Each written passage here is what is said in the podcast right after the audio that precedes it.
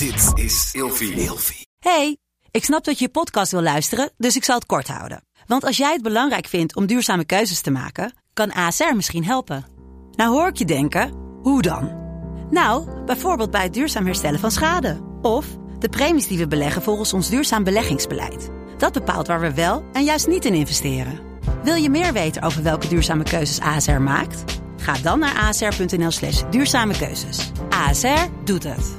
Zo, dan kan je nu lekker naar je podcast luisteren. Vroeger. Meneer de Munnik, we bespreken deze week het onderwerp Spaanse shit. En in deze aflevering hebben we altijd een verhaal in de categorie slagveld, ziekte of oorlog. We gaan het hebben over het bloedbad van Naarden. Ja, Dat ligt toch helemaal niet in Spanje? nee, zeker in Nederland.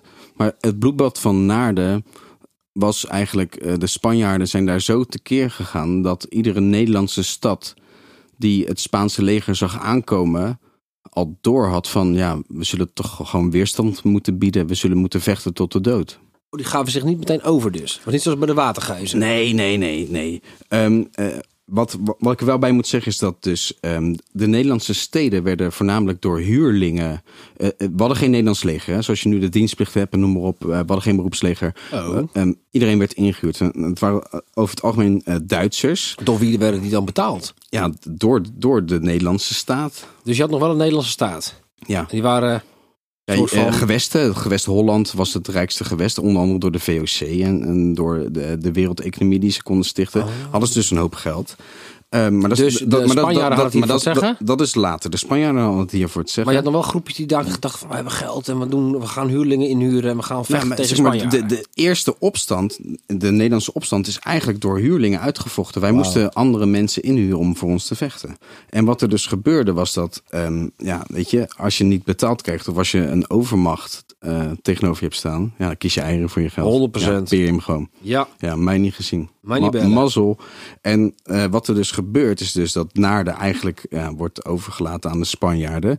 En de Spanjaarden die gaan even laten zien dat zij de baas zijn. ja, dat snap ik ook. Dus al moordend, verkrachtend, eh, huizen Dat snap ik eh, dan weer niet. platbrandend gaan ze Naarden in.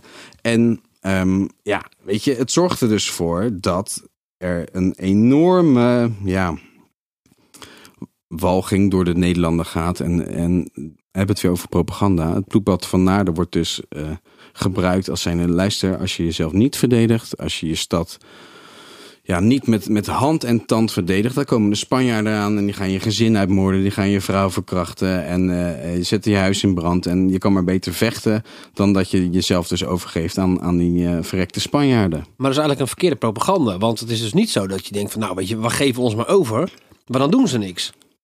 Nee, nee, ze waren uit op wraak. Dit waren losgeslagen mannen hoor. En na de, iedereen gewoon vermoord, of het merendeel? Waar het om gaat is dus dat er ehm, vrouwen, kinderen, huis en haard is verzwolgen door het Spaanse leger.